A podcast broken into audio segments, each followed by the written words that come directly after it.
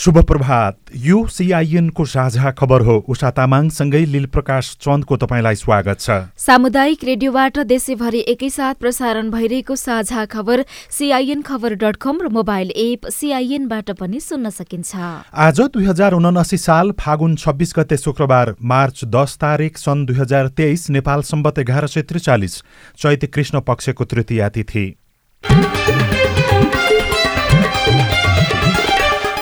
साझा खबरमा प्रमुख खबरका शीर्षकहरू। दश राजनीतिक दल र स्वतन्त्र सांसदको मतबाट रामचन्द्र पौडेल राष्ट्रपतिमा निर्वाचित। शीतल निवासको विश्वास र गरिमा जोगाउने प्रतिबद्धता उपराष्ट्रपतिमा सत्ता गठबन्धनले राम सहाय प्रसाद यादवलाई उम्मेद्वार बनाउने। बेपत्ता र सत्यनिर्भर मेलमिलाप आयोग ऐन संशोधन गर्न विधेयक दर्ता तरकारीमा विषादी परीक्षण सुरु गरिने एक वर्षपछि कर्जाको ब्याज घट्दै। वैधानिक बाटोबाट पनि घरेलु श्रमिकमा विदेश जान महिलाहरूलाई रोक पूर्व मन्त्री बद्री प्रसाद न्यौपानेलाई साढे नौ वर्ष कैद सजाय विकास अड्डामा एक तिहाई इन्जिनियरको अभाव अफगानिस्तान महिला अधिकारका दृष्टिले विश्वकै दमनकारी अमेरिका अस्ट्रेलिया र बेलायत बीच पनडुब्बी सम्झौता हुँदै हात्तीले जलवायु परिवर्तनको प्रभावबाट पृथ्वीलाई बचाउन सक्ने।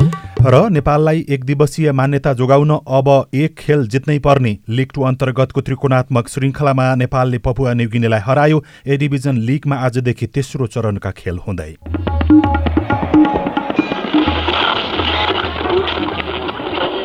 सयौं रेडियो। हज़ारों रेडियो कर्मी र करोडौं नेपालीको माझमा यो हो सामुदायिक सूचना नेटवर्क सिआइएन साझा खबरको सबैभन्दा सुरुमा रामचन्द्र पौडेल राष्ट्रपतिमा निर्वाचित हुनुभएको प्रसङ्ग। संघीय लोकतान्त्रिक गणतन्त्र नेपालको तेस्रो राष्ट्रपतिमा पूर्व सभामुख एवं काङ्ग्रेसका वरिष्ठ नेता रामचन्द्र पौडेल निर्वाचित हुनुभएको छ। एमाले उपाध्यक्ष तथा संविधान सभा अध्यक्ष सुभाष चन्द्र नेवाङलाई दोब्बर मतले पराजित गर्दै पौडेल मुलुकको सर्वोच्च पदमा पुग्नु भएको हो। राष्ट्रपति तथा उपराष्ट्रिय उपराष्ट्रपति निर्वाचन अधिकृतको कार्यालयका अनुसार पौडेलले तेत्तीस हजार आठ सय दुई मतभार प्राप्त गर्नुभयो भने नेमुवाङले पन्ध्र हजार पाँच सय अठार मतभार पाउनुभयो। कुल आठ सय बयासी मतमध्ये संघतर्फ तीन सय तेह्र र प्रदेशसभातर्फ पाँच सय अठार मत गरी आठ सय एकतिस मत खसेको थियो। संघको मतभार उनासी रहेको छ भने प्रदेशको अडचालिस मतभार रहेको छ।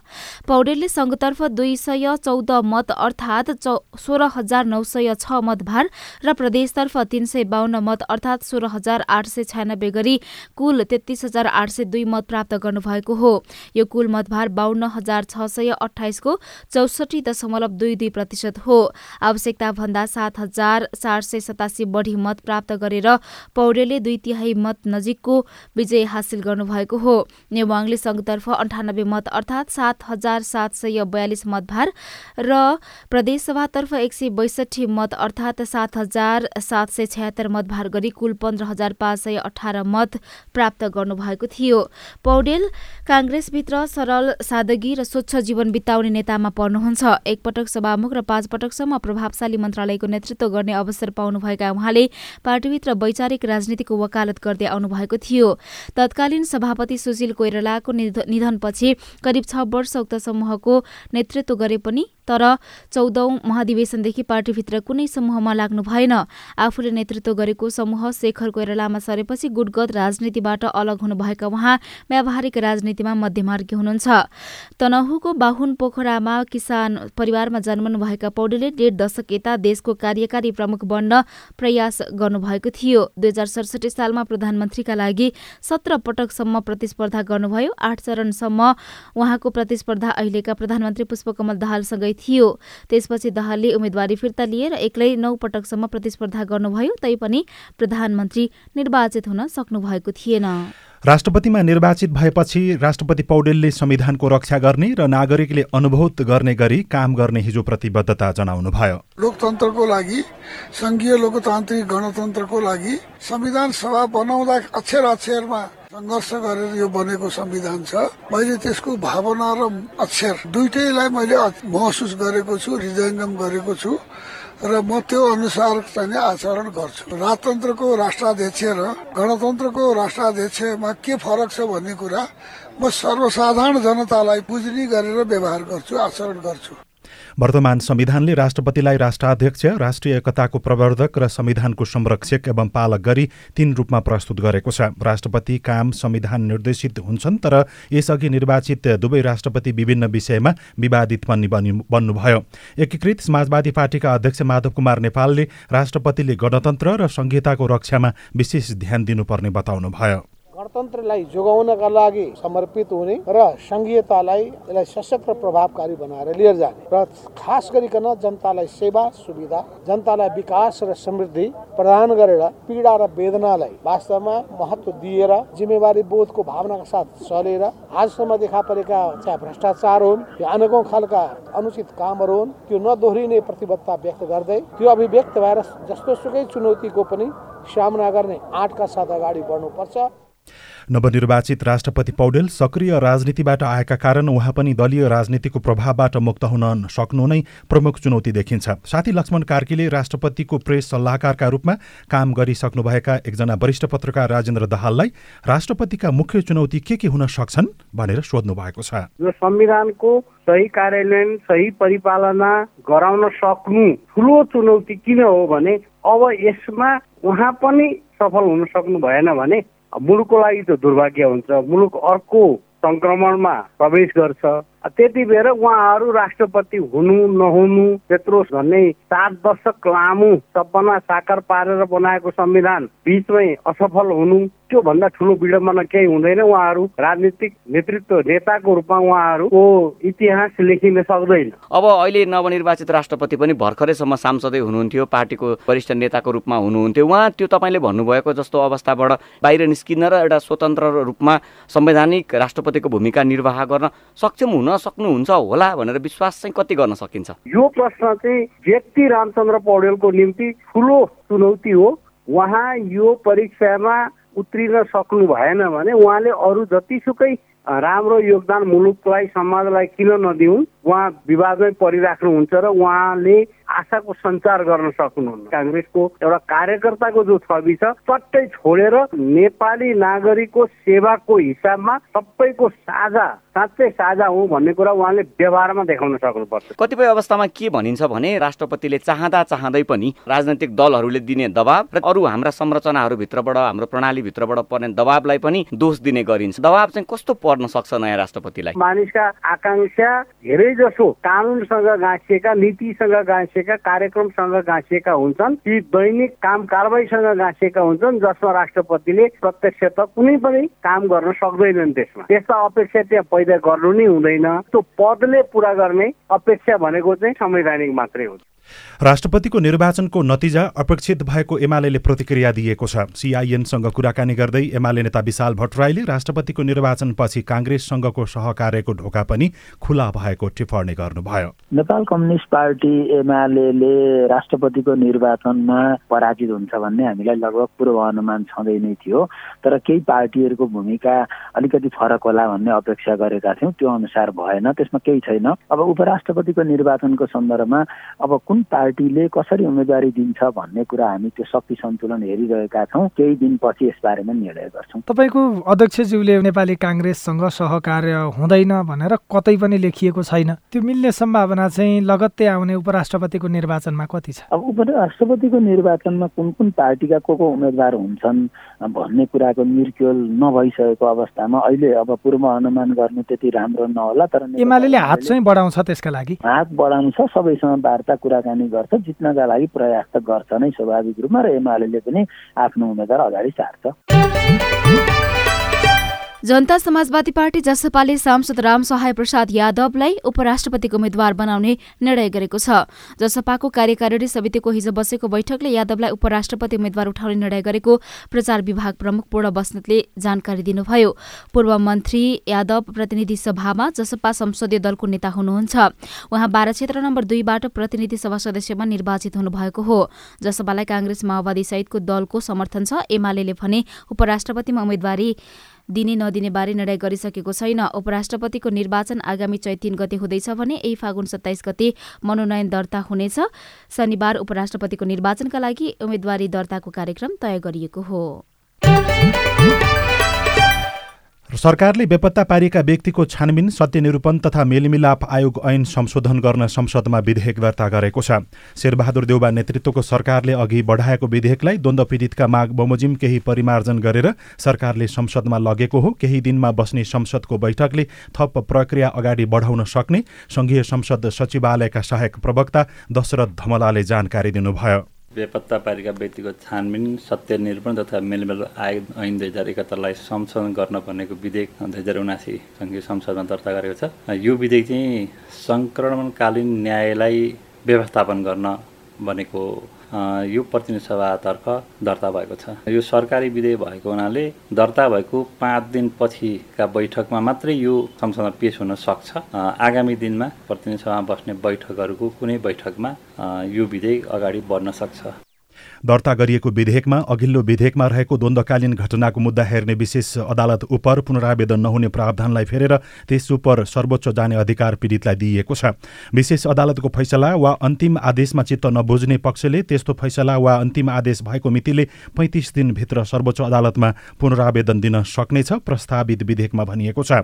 सत्यनिरूपण तथा मेलिमिलाप आयोग र बेपत्ता पारिएका व्यक्तिको छानबिन आयोगले मुद्दा चलाउन सक्ने सिफारिस गरेपछि एक वर्षभित्र मुद्दा चलाउने अधिकार महान्यायाधिवक्ताको कार्यालयलाई दिने प्रावधान विधेयकमा राखिएको छ। महान्यायाधिवक्ता वा निजबाट अधिकार प्राप्त सरकारी वकिलले प्राप्त प्रमाणको आधारमा आयोगबाट सिफारिस प्राप्त भएको मितिले एक वर्षभित्र भित्र मुद्दा चलाउने वा नचलाउने सम्बन्धमा निर्णय गर्न सक्ने भनिएको छ।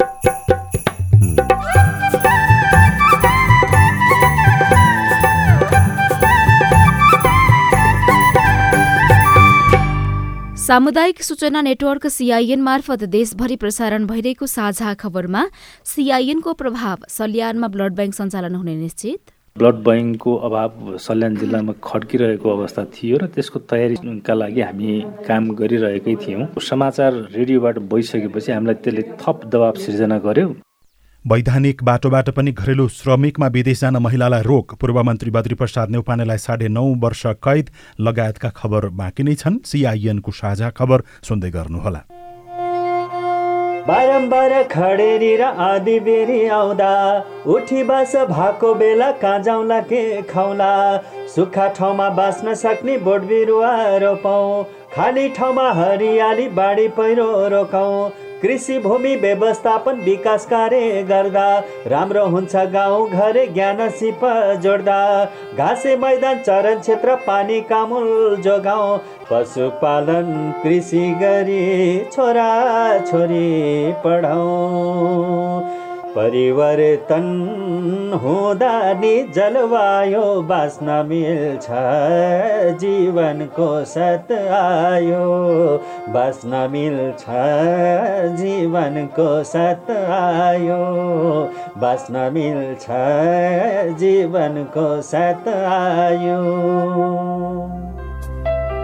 जलवायु परिवर्तनले निम्ताएका चुनौतीको सामना गर्न जमिन जल र प्राकृतिक स्रोत व्यवस्थापनका सर्वोत्तम उपलब्धिहरूको कार्यान्वयन गरौँ। पारिस्थितिकीय प्रणालीमा आधारित अनुकूलन आयोजना जलवायु परिवर्तन तथा व्यवस्थापन महाशाखा वन तथा वातावरण मन्त्रालय र सिआइएन ल कान्छा यतिका दिन जे भयो भयो। अब दाई दिदीबहिनीहरूसँग रिस नराखेस् है। कान्छा दाईले मात्र होइन क्या आमा? मेलमिलाप भइसकेपछि अब कसैले मन अमिलो बनाउनु भएन। तपाईँहरूले नै रोजेका मेलमिलापकर्ता राखेर जग्गाको साँच सिमाना बारेको नौ वर्षदेखिको विवादमा मेलमिलाप भयो। योभन्दा खुसीको कुरा हामी मेलमिलापकर्ताको लागि के हुन्छ र? मेलमिलापकर्ता बाबु हामी दुई भाइ बिचको झगडालाई यति सजिलै चाँडै मिलाइदिनु भएकोमा तपाईँलाई मुरी मुरी धन्यवाद छ। मैले यो मेलमिलाप केन्द्र भन्ने त अलि पहिले नै सुनेको थिएँ क्या बाबु? मन माझामाझ गरेर दुवै पक्षले जित्ने गरी पो कुरा मिलाउनु हुने रहेछ। कस्तो राम्रो। मनमुटाप गर्नेहरूलाई अबदेखि यो मेलमिलाप केन्द्रमै जाऊ भन्छु म चाहिँ। सुन्नुहोस् आमा। सरकारी सामुदायिक र सार्वजनिक बाहेक जग्गा सम्बन्धी विवाद गाली बेजती लुटपिट सहित विभिन्न एघार प्रकारका विवाद हरेक वडामा रहेका मेलमिलाप केन्द्रबाट मिलापत्र गराउन सकिन्छ नि आमा। कस्तो राम्रो। अनि हरेक वडामा यस्ता मेलमिलाप केन्द्र छन् त बाबु? छन् नि आमा किन नहुनु? कुनै कुनै वडामा दुई वा त्यसभन्दा धेरै पनि छन्। विवादका पक्ष र विपक्षका व्यक्तिले चाहेको मेलिपलाप केन्द्रबाट निकास खोज्न सकिन्छ। वडाको मेलिपलाप केन्द्रबाट विवाद समाधान भएन भने नि आमा? हजुर। पालिकाको न्यायिक समितिले पनि विवाद समाधानका लागि छलफल गराउन सक्छ। आहा। यति भएपछि त गाउँघरको झगडा गाउँमै हाँसु खुसीका साथ मिल्ने भइहाल्यो नि होइन त? हो नि आमा। अस्ट्रेलिया सरकार र द एसिया फाउन्डेसनको साझेदारीमा सञ्चालित स्थानीय सरकार सबलीकरण कार्यक्रम र अकोराब नेपाल। सामाजिक रूपान्तरणका लागि यो हो सामुदायिक सूचना नेटवर्क सिआइएन। तपाईँ अहिले देशभरिका सामुदायिक radio CIN Khabar dot com र मोबाइल एप सिआइएनबाट एकैसाथ साझा खबर सुनिरहनु भएको छ। मोबाइल एप नेपाली पात्रोबाट पनि सिआइएनको साझा खबर सुन्दै हुनुहुन्छ। अब आज काठमाडौँबाट प्रकाशित पत्र पत्रिकाको खबर। कान्तिपुर दैनिकमा तरकारीमा विषादी परीक्षण फाइलमा कुदाउने निर्णयमा झुलाउने शीर्षकमा राजु चौधरी लेख्नुहुन्छ। तरकारी र फलफूलको विषादी परीक्षणमा सरकारले सीमित देखाउँदै लम्ब्याउँदै समिति देखाउँदै लम्ब्याउँदै प्रवृत्ति देखाएको छ। यसअघि मन्त्री परिषदबाट फिर्ता गरिएको तरकारी तथा फलफूलको विषादी परीक्षणको प्रस्ताव हिजोको बैठकले थप छलफलका लागि विषयगत समितिमा पठाउने निर्णय गरेको छ। खाद्य पदार्थमा जीवान जीवनाशक विषादी अवशेषको अधिकतम सीमा निर्धारण गर्ने विषय समितिमा छलफलपछि मात्र मन्त्री परिषदमा प्रस्तुत गरिने संचार तथा सूचना प्रविधि मन्त्री रेखा शर्माले जानकारी दिनुभयो। विषयगत समिति मन्त्रीज्यूको नेतृत्वमा हुन्छ। विगतमा छलफल भए पनि निष्कर्षमा पुगेन होला। प्राविधिक विषय भएकाले विज्ञसँग पनि छलफल गरिन्छ मन्त्री शर्माले भन्नुभयो। विषादी परीक्षण अनिवार्य गर्नुपर्ने हो। मापदण्ड निर्धारण गर्नुपर्छ समितिले छिट्टै मन्त्री परिषदमा ल्याउँछ। एक वर्षपछि कर्जाको ब्याज घट्दै शीर्षकमा यज्ञ बन्जारी लेख्नुहुन्छ चैतदेखि कर्जाको ब्याज दर घट्ने भएको छ। ब्याङ्क तथा वित्तीय संस्थाले निक्षेपको ब्याजसँगै पाँच प्रतिशत भन्दा बढी रहेको प्रिमियम दर आधार दरमा थप गर्ने दर घटाउने निर्णय गरेपछि चैतदेखि कर्जाको ब्याज दर पनि घट्ने भएको हो। गत माघमा ब्याङ्कहरूले निक्षेपको ब्याज दर घटाएका थिए। निक्षेपको ब्याज घटेपछि ब्याङ्कहरूको आधार दर बेस रेट घट्छ। आधार दरमा आएको परिवर्तन अनुसार त्रैमासिक रूपमा ब्याङ्क तथा वित्तीय संस्थाले कर्जा कर्जाको ब्याजदर पनि घटाउनुपर्छ। यही व्यवस्था अनुसार वैशाखदेखि कर्जाको ब्याजदर घट्ने अनुमान गरिएको थियो तर सोमबार बसेको वाणिज्य ब्याङ्कहरूले छाता संगठन नेपाल ब्याङ्कर्स संघको बैठकले चैत एकदेखि पाँच प्रतिशत भन्दा प्रिमियम लिन नपाउने र यसअघि बढी लिएको भए त्यो पनि घटाउने निर्णय गर्यो। उक्त निर्णयका कारण चैतदेखि नै धेरै प्रिमियम जोडेर कर्जा लिएका ऋणीको ब्याजदर पनि घट्ने भएको हो। भ्रिकुटी मण्डपको जग्गा भाडा प्रकरणमा भ्रष्टाचार मुद्दामा पूर्व मन्त्री नेउपानेलाई साढे नौ वर्ष कैद सजाय भएको बारेमा विभिन्न पत्र पत्रिकाहरूमा खबर छ। पूर्व मन्त्री बद्री नेउपानेलाई भ्रष्टाचार मुद्दामा साढे नौ वर्ष कैद सजाय हुने भएको हो। विशेष अदालतले भ्रिकुटी मण्डपको जग्गा भाडामा दिँदा अनियमितता गरेको ठहरसहित उनलाई नौ वर्ष तथा भ्रष्टाचार निवारण ऐनको दफा चौबिस बमोजिम थप छ महिना कैद सजाय सुनाइएको हो। भ्रिकुटी मण्डप स्थित फन पार्क सञ्चालक काङ्ग्रेसबाट निर्वाचित भई निलम्बनमा रहेका सांसद टेकबहादुर गुरुङलाई भने एक करोड एक्काइस लाख चौरासी हजार रुपियाँभन्दा बढी जरिवाना र उत्ति नै रकमको बिगो असुल उपर गर्ने फैसला भएको छ। भ्रष्टाचार निवारण ऐनको दफा चौबिसमा संवैधानिक अङ्ग वा निकायका पदाधिकारी राष्ट्रपतिबाट मनोनयन वा नियुक्ति हुने पदाधिकारी नेपाल सरकारबाट विशिष्ट श्रेणी वा सो सरहका पदाधिकारी सार्वजनिक संस्थाका प्रमुख महाप्रबन्धक वा सो सरहका पदाधिकारीले भ्रष्टाचार जन्य कसुर गरेमा थप कारवाही हुने व्यवस्था गरिएको छ। जातीय विभेद गर्ने गाउँपालिका अध्यक्षलाई नियन्त्रणमा लिई कारवाही गर्न आयोगको माग शीर्षकमा नयाँ पत्रिका दैनिकमा लहानबाट मणिलाल विश्वकर्माले लेख्नु भएको छ। राष्ट्रिय दलित आयोगले जातीय विभेद गर्ने सिराहाको भगवानपुर गाउँपालिकाका अध्यक्ष उग्र नारायण यादवलाई नियन्त्रणमा लिएर कारवाही गर्न माग गरेको छ। त्यसै गरी घुससहित अधिकृत पक्राउ परेको खबर सबै शिशु पत्र पत्रिकामा छ। ललितपुर महानगरपालिकाका शिक्षा अधिकृत शेषकान्त पौडेल एक लाख रुपियाँ घुससहित पक्राउ परेका छन्। गोर्खापत्र दैनिकमा वैध बाटोबाट घरेलु श्रमिकमा विदेश जान महिलालाई रोक अवैध बाटो झन असुरक्षित। शीर्षकमा सीता शर्मा लेख्नुहुन्छ सरकारले वैदेशिक रोजगारीमा जाने महिलाको हकी तथा सुरक्षाका लागि काम गर्ने भन्दा पनि गन्तव्य मुलुकमा प्रतिबन्ध लगाउँदा महिला श्रमिक थप समस्यामा पर्दै आएका छन्। संरक्षण अवधारणाका नाममा मलेसिया र खाडी मुलुकमा घरेलु श्रमिकका रूपमा जान प्रतिबन्ध लगाउँदा यसको प्रत्यक्ष असर ठूलो संख्यामा घरेलु श्रमिकका रूपमा जाने महिला श्रमिकमाथि परेको छ। ती मुलुकमा महिला जाने क्रम भने रोकिएको छैन। पुग्दैन बरु अवैध बाटो हुँदै त्यहाँ पुगेका महिला असुरक्षित हुने क्रम बढेको छ। विकाससँग सम्बन्धित सरकारी अड्डा तथा निकायहरूमा एक तिहाईभन्दा बढी इन्जिनियरको अभाव भएको खबर नागरिक दैनिकमा भुवन शर्माले लेख्नु भएको छ। प्राविधिक कर्मचारी अभावमा काम गर्न निकै कठिनाई भएको विकास अड्डाका उच्च अधिकारीहरू बताउँछन्। भएका इन्जिनियर पनि काठमाडौँ र सुगम क्षेत्रमै थुप्रिने तर हिमाली तथा दुर्गम क्षेत्रमा नजाने प्रवृत्ति बढेको छ। साझा खबरमा अब हेलो सिआइएन सजना तिमर्सिनाबाट सिआइएनको फेसबुक पेजमा झापाका गोपाल आत्रेयले आफूले भारतको इलाहाबाद एस्पस संस्थान र बिहारको बुद्ध एकाडेमीबाट प्राकृतिक चिकित्साको बिना दवाई एकुप्रेसर पद्धतिबाट रोग निवारणको शिक्षा लिएकाले यो सिपलाई सिटिभिटीले मान्यता दिन्छ कि दिँदैन भनेर सोध्नु भएको छ। गोपालजी तपाईँले लामो अवधिको कोर्स गर्नुभएको हो भने सिटिभिटी अन्तर्गत पाठ्यक्रम निर्माण तथा समकक्षता शाखा अनि छोटो अवधिको कोर्स गर्नुभएको हो भने राष्ट्रिय सिप परीक्षण समितिमा सम्पर्क गर्नुपर्नेछ।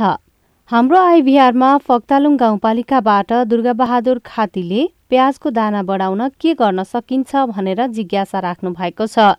दुर्गाजी तपाईँको जिज्ञासा सुनेपछि राष्ट्रिय बागवानी केन्द्र खुमलटारका प्रमुख सुरेन्द्रलाल श्रेष्ठ भन्नुहुन्छ।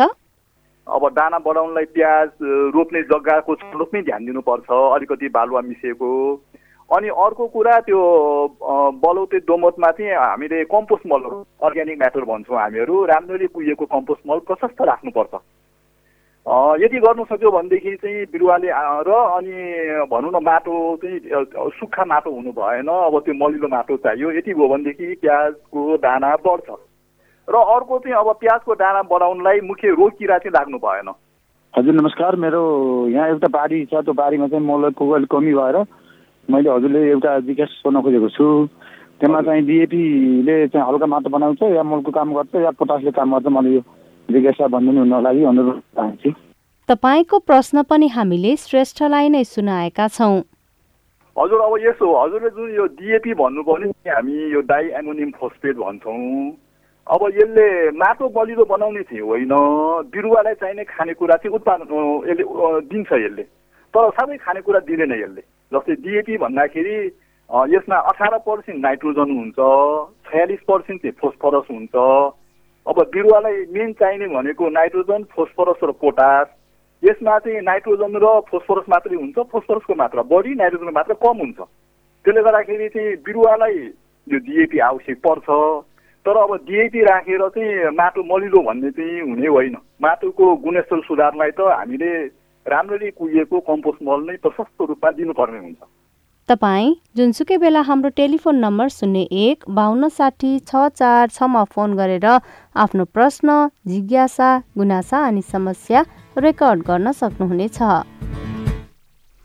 साझा खबरमा अब विदेशका खबर। प्रशान्त क्षेत्रमा चीनको बढ्दो प्रभावलाई दृष्टिगत गरी अस्ट्रेलिया अमेरिका र बेलायतका शीर्ष नेताबीच आगामी साता भेटवार्ता हुने भएको छ। सुरक्षा र विदेश नीतिबारे छलफल गर्ने उद्देश्यले हुन लागेको उक्त भेटवार्तापछि त्रिदेशीय परमाणु पण्डुब्बी सम्झौता हुने अपेक्षा गरिएको सम्बद्ध अधिकारीहरूले जनाएका छन्। पण्डुब्बी सम्झौता अस्ट्रेलिया बेलायत र अमेरिका बीचको नयाँ क्षेत्रीय सम्झौता एयुकेयुएसको एक हिस्सा हो। राष्ट्रसङ्घले तालिबान सरकारको अधीनमा रहेको अफगानिस्तान महिला अधिकारका लागि विश्वको सबैभन्दा दमनकारी देश रहेको र यहाँका देश अधिकारीहरूले महिला र केटीहरूलाई उनीहरूको घरमै सीमित रहन बाध्य पारेको जनाएको छ। सन् दुई हजार एक्काइसको अगस्तमा सत्ता पलट गरेदेखि तालिबानले महिलामाथि थुप्रै प्रतिबन्ध लगाएको छ। महिलालाई पार्क मनोरञ्जन स्थल जिम र सार्वजनिक स्नान लगायतका स्थानमा जान रोक लगाइएको छ। सबैभन्दा ठूलो दमन किशोरी र विश्वविद्यालयका छात्रामाथि भएको जनाएको छ र हात्तीले जलवायु परिवर्तनको प्रभावबाट पृथ्वीलाई बचाउन सक्ने एक अध्ययनले देखाएको छ। अमेरिकाको सेन्ट लुइस विश्वविद्यालयका एक शोधकर्ताले गरेको अध्ययनले पृथ्वीका लागि हात्तीको महत्वलाई रेखाङ्कन गरिएको हो। अब खेल खबर नेपालले आइसिसी विश्वकप क्रिकेट लिग दुई अन्तर्गत अन्तिम त्रिगुणात्मक श्रृङ्खलाको पहिलो खेलमा पपुवा न्युगिनी फिएनजीलाई बाहन्न रनले हराएको छ। हिजो किर्तिपुरमा नेपालले दिएको दुई सय अन्ठानब्बे रनको लक्ष्य पछ्याएको फिएनजीलाई सत्तालिस ओभर एक बलमा दुई सय पैँतालिस रनमा अल आउट गर्दै नेपालले फराकिलो जित हात पारेको हो। जितपछि तेत्तिस खेलबाट चौतिस अङ्क जोडेको नेपाल तालिकाको पाँचौँ स्थानमा छ। नेपाललाई अब एक दिवसीय मान्यता जोगाइराख्न एक जित आवश्यक छ। श्रृङ्खलाका बाँकी तीन खेल जितेमा भने शीर्ष तिनमा पुग्दै नेपाल नेपाल विश्वकप छनौट खेल्न पाउनेछ। र शहीद स्मारक डिभिजन लिग फुटबल प्रतियोगितामा आजबाट तेस्रो चरणका खेल सुरु हुँदैछन्। आज दुई खेल हुने कार्यतालिका छ। प्रतियोगितामा आज एफसी खुमलचार र थ्री स्टार क्लब दिउँसो साढे दुई बजे एन्फा कम्प्लेक्स सातो बाटोमा खेल्नेछन्। चर्च बोइज युनाइटेड र हिमालयन शेर्पा क्लब बीचको खेल अपराह साढे पाँच बजे त्रिपुरेश्वर स्थित दशरथ रङ्गशालामा हुनेछ। रगत अभावको समस्या टार्न पालिकाको सक्रियता रिपोर्ट अरू खबर र कार्टुन पनि बाँकी नै छ। सिआइएनको साझा खबर सुन्दै गर्नुहोला। दाइजो दहेज मांगने है अस्सी हजार रुपया आठ आना सोना बाह्र भर चानी बाल विवाह? वर्ष चौध वर्ष। मेरो बिहे भएको डेढ साल भयो। साथीहरू स्कुल जाँदा रहर लाग्छ। बिहे किन गर्यो जस्तो लाग्छ। छुवाछुत। कुकुर पढ्नु हुने हामी पढ्नु हुने भए भने त अलिकति मन त फेरि नै हुन्छ नि छाउपडी हुन्छ दुःख त नभएर हुन्छ बिहाको झगडा हुन्छ बेगा चिसो भइरहेछ। यस्ता हानिकारक परम्परागत अभ्यासका कारण महिला किशोरी र बालिकाहरू विभिन्न शारीरिक तथा मानसिक हिंसा भोग्न बाध्य छन्। होसियार यस्ता हानिकारक परम्परागत अभ्यासहरू कानुनद्वारा दण्डनीय छन्। ओल्ड भिजन इन्टरनेसनल नेपाल र सामुदायिक सूचना नेटवर्क सिआइएन। नेपाल टेलिकमको सूचनाको संसार होइन के सुनेको यस्तो ध्यान दिएर दोहोरो बोलेको जस्तो नि देख्दिन।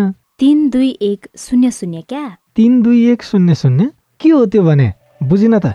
ल सुन एनटिसी प्रयोगकर्ताहरूले आफ्नो मोबाइल तथा ल्यान्डलाइनमा तिन दुई एक शून्य शून्य डायल गरी समाचार रेडियो कार्यक्रम खेल र अन्य विषयबारे सन्देशहरू जुनसुकै बेला निशुल्क सुन्न सक्छन्। ओहो। निशुल्क कस्तो सजिलो। समाचार सुन्न छुट्यो भनेर पिर लागेको थियो। अब त म पनि सुनिहाल्छु। कति रे? तिन दुई एक शून्य शून्य।